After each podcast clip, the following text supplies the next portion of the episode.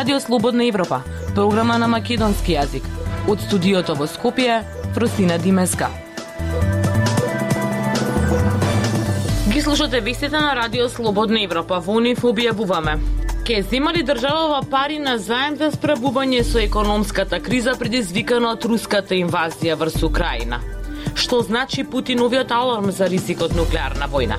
Две години од првиот случај на ковид во Македонија, многу починати, малку вакцинирани. Независни вести и анализи за иднината на Македонија на Радио Слободна Европа и слободнаевропа.мк. Почнуваме со најавените теми.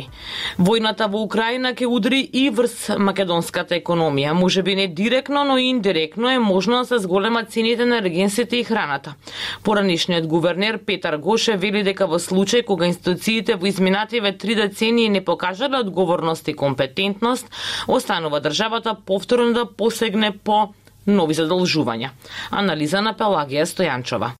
Државата во овој момент не може да направи многу, вели поранишниот гувернер на Народна банка Петар Гошев во разговор за Радио Слободна Европа. Шоковите се надворешни, а капацитетот за амортизација на ударите е потрошен во време кога не морало да се прави тоа, вели тој. И единствениот одговор повторно и останува на, на ова и, и на било која влада во овој, во овој момент е да посегне по некое дополнително задолжување и да чачка поставките од постојниот буџет, да врши некакви прераспределби, да селектира не, нешто што не е најургентен приоритет од предвидените расходи и да ги пренасочува заедно со дополнителното задолжување кон категории на населението кои што се најранливи. Друго тешко може да да смисли, Вели Гошев, Русија на 24 февруари започна целосна инвазија во Украина, што предизвика страф од поширок конфликт во Европа. Македонските власти велат дека безбедносната состојба во земјава е стабилна, но нотира дека ќе има економски предизвици. Владата ја следи состојбата и промените во светските економски текови кои се очекува да бидат дестабилизирани од новонастанатата состојба, ни одговори од владата на прашање на Радио Слободна Европа. Стоковите резерви располагаат со доволни количини на прехранбени стоки, а дополнителни на страна на понудата на пченица како стратешки производ нема ограничувања. Надлежните министерства во моментов вршат консултации за набавка на дополнителни количини на стоки во стоковите резерви, ни одговори од владата.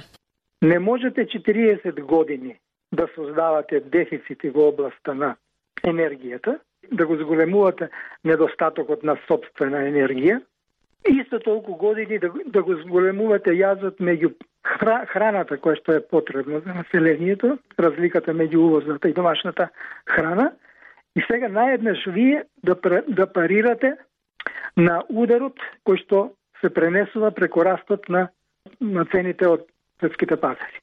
Вели Гошев, На седница на Советот на Народна банка, одржана на 28 февруари, се дискутирало за најновите случувања во Украина и за последиците врз економијата, што може да произлезат од натамошниот развој на ситуацијата. Во сообштенијето од Народна банка се наведува дека може да се влошат изгледите за раст на европската и на светската економија.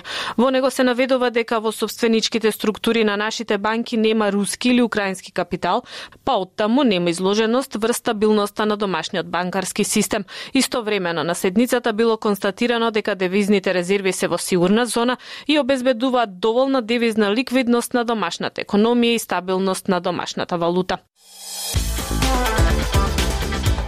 Слободна Европа. Следете на на Facebook, Twitter и YouTube. Председателите на Соединените Американски држави и на Русија, Джозеф Бајден и Владимир Путин пред помалку од една година дадоа изјави на самитот во Женева која се чинеше дека е во согласност со идејата оти заканата од нуклеарна војна е само остаток од студената војна. Повеќе пренесува Ивана Стојкова.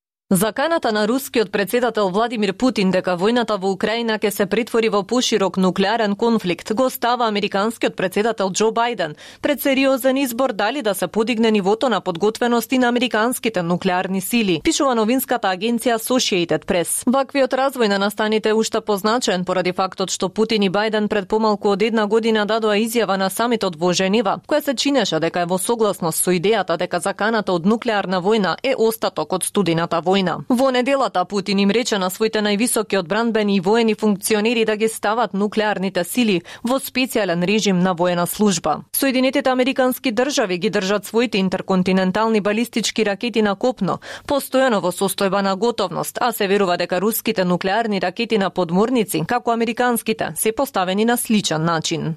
Путин истакна дека одговара на економските санкции што ги воведоа САД и другите западни земји во последните денови поради неговата инвазија на Украина, како и на агресивните изјави на водичките членки на НАТО во однос на Русија. Администрацијата на Бајден го оцени потегот на Путин за кој рекоа дека е непотребна ескалација на веќе опасен конфликт. Всушност изјавата на Путин е закана што ретко се слушаше дури за време на студената војна, кога многу поголеми нуклеарни арсенали на САД и поранешниот Советски сојуз му се заканија на светот со нуклеарен Армагедон, наведува Associated Press. САД и Русија имаат два убедливо најголеми нуклеарни арсенали во светот. Тие вклучуваат оружје што може да се лансира со авиони, подморници и балистички ракети на копно. Единствениот пат во историјата кога нуклеарното оружје било користено во борба беше кога Соединетите држави ја бомбардираа Јапонија два пати во август 1945 година.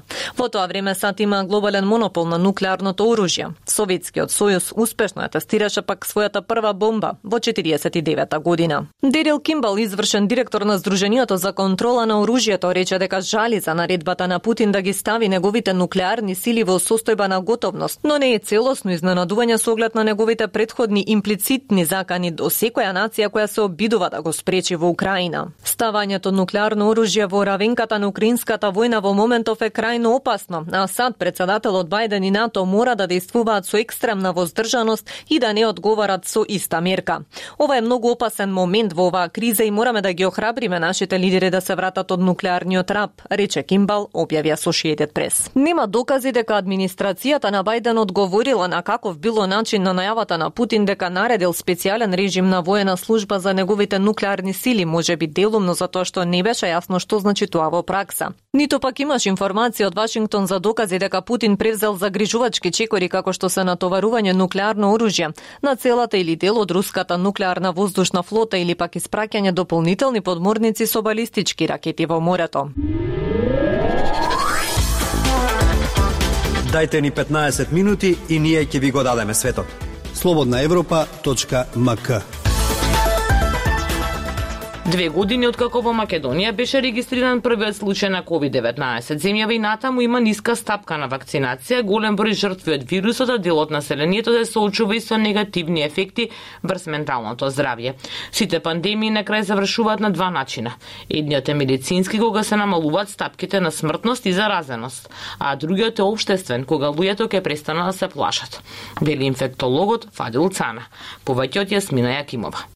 Почетокот на пандемијата Селмин Несимовски го затекна во неговиот роден Дебар, првиот град во земјава кој целосно беше затворен и ставен во карантин во март 2020 поради неколку случаи заразени со новиот коронавирус. Две години подоцна, Несимовски вели дека се уште со вознемиреност се подсетува на тој период. Според него, државата можеше многу подобро да се справи со кризата од пандемијата, но и да помогне побрзо да се излезе од неа високиот број на вакцинација и поточноста на однос на вакцините е токму резултат на тоа колку граѓаните имаат доверба во, во системот и во државата. Ние а, многу аномалии во системот воочивме во текот на во, овие две години и моментално се сочуваме со проблемот дека ние сме спремни, на државата, системот наш не е спремен воопшто да продолжи понатака да живее нормално со пандемијата. На почетокот на пандемијата, кон средината на март 2020 се затвори училиштата и градинките, а голем дел од вработените почнаа да работат од дома. Се контролираа и границите, па секој кој ќе влезеше во земјава се носеше во задолжителен карантин во хотел платен од државата. Се воведе и полициски час, но и карантини за сите кои траеја по неколку дена. Неголемиот товар го понесе клиниката за инфективни болести во Скопје. Иако во моментов бројките на ново заразени бележат пат, Инфектологот Фадел Цана се уште е воздржан во однос на прогнозите, дали може да го видиме крајот на пандемијата.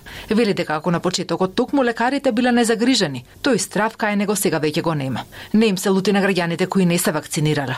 Вината за ова ја гледа во измешаните пораки кои две години ги праќаат здравствените власти. Тие што треба најповеќе да се да ги почитуваат тие мерки, тие првично, кога во одреден политички момент не им се бендисуваше, не ги почитуваа. Се знаете дека кога светот се затвараше, ние имавме избори и се отхаравме. Од почетокот на пандемијата полицијата напиша над 200.000 казни за неносење заштитни маски, или преведено во пари, казни во висина од над 4 милиони евра. Во истиот период се поднесени вкупно 565 кривични пријави, со кои се опфатени 660 сторители. Најголем дел од овие пријави се за непостапување според здравствените пропуси за време на пандемија, зашто законот предвидува високи парични казни, но и затвор до една година. Пандемијата силно удри и по менталното здравје. Од минатата есен телефоните на психолозите не престанаа да звонат, појаснува психологот и психотерапевт Сања Стефановиќ најголемото влијание врз менталното здравје го има фактор што а, живееме во многу неизвестно време. Одговорите што ги добиваме од задолжените кои што би требало да ни дадат повеќе информации, а, одговорите се а, некако гледи, неконкретни и секако не, не не смируваат на никаков начин. Додека дел од западните држави ги укинуваат повеќето мерки за заштита од COVID-19, меѓу кои и вакциналните сертификати. Во земјава тоа се случува многу побавно. Здравствените власти сега ги чекаат податоците од скринингот кој се спроведува во моментов, за прво да видат каков е колективниот имунитет на населението. Дури потоа ќе се одлучува за олеснување на мерките. Култура и уметност на Радио Слободна Европа. Македонска глаголица, македонска кирилица е насловена изложбата на плакати, фонтови на Лазе Трипков и Ласко Джуровски, што од 28 февруари до 7 март ќе се одржи во галеријата на Младинскиот културен центар во Скопје. Поставката представува празник, честување на глаголицата и кирилицата. Повеќе од Лјупчо Јолевски. Лазе Трипков и Ласко Ѓуровски, онака како што знаат и умеат и со желба на творечки начин да го промовираат собствениот однос кон најзначајните столбови на македонскиот јазик и култура, глаголицата и кирилицата, денови веќе и го представат на јавноста својот авторски проект насловен како Македонска глаголица, Македонска кирилица. Станува збор за изложба на плакати и фонтови, што од 28 февруари до 7 март ќе се одржи во галеријата на Младенски културен центар Скопје. Поставката, како што ќе биде забележано, представува празник, чествување на глаголицата и кирилицата. Првата запретана во нашето далечно средновековие под бедемите на древниот Охрид, другата жива, еластична, разиграна, готова да ги прегрне предизвиците на новото време. Говорејќи за ваквата заложба, Лазе Трипков истакнува дека македонска глаголица, македонска кирилица е проект изложба која излегува од вообичаениот концепт. Според него, концептот опфаќа два различни, но сепак суштински пристапи и контекстуализации кои што произлегуваат од културното наследство на Македонија. Делот во кој јас ке се представам пред публиката е насловен како македонска глаголица, а делот на мојот колега Ласко Ѓуровски е насловен македонска кирилица. Накратко, целта ни е преку овој современ ликовно-графички пристап да го истакнеме нашиот културолошко-идентитетски дискурс преку фентовите на Ласко и преку моите плакати за глаголицата. Изложбата треба да обедини, да понуди решенија, но да постави и предизвици и да предупреди за свесноста и односот кон нашето културно-историско наследство. Треба да не соочи со несериозноста со која како држава го застапуваме и го заштитуваме нашиот културен идентитет, но и на значењето на светоста наречена мајчиниот јазик. Глаголицата за мене е прекрасен знаковен систем. А ми инспирира магијата која што ја поседува, е незината уникатна моќ да не воведе нас, меѓутоа и нашите предци преоѓањето од незнаење кон знаење и од мрак кон светлина. Вели Трипков. Инакво пресрет на отворањето на оваа проект изложба, која ќе биде реализирана со поддршка на Младински културен центар, како дел од официјалната програма за прослав на 50 годишнината од постоењето на оваа институција, Трипков и со изјава во која нималку него крие своето непријатно изненадување од пристигнатите коментари до него и до Ѓуровски. За крај морам да признам дека сум изненаден од коментарите кои што стигаат до нас. Луѓето поставуваат прашања зошто вие ова го правите. Ова не е ваша работа. Меѓутоа ако оставиме така и не превземеме ништо, тогаш веројатно секој од нас би требало да се изолира од основните човечки чувства и емоции кои што ги има кон државата на која што припаѓа. Ке рече авторот. Тоа беше се во оваа емисија на Радио Слободна Европа. Од студиото во Скопје со вас беа Дејан Валаловски и Фростина Димеска. До слушање.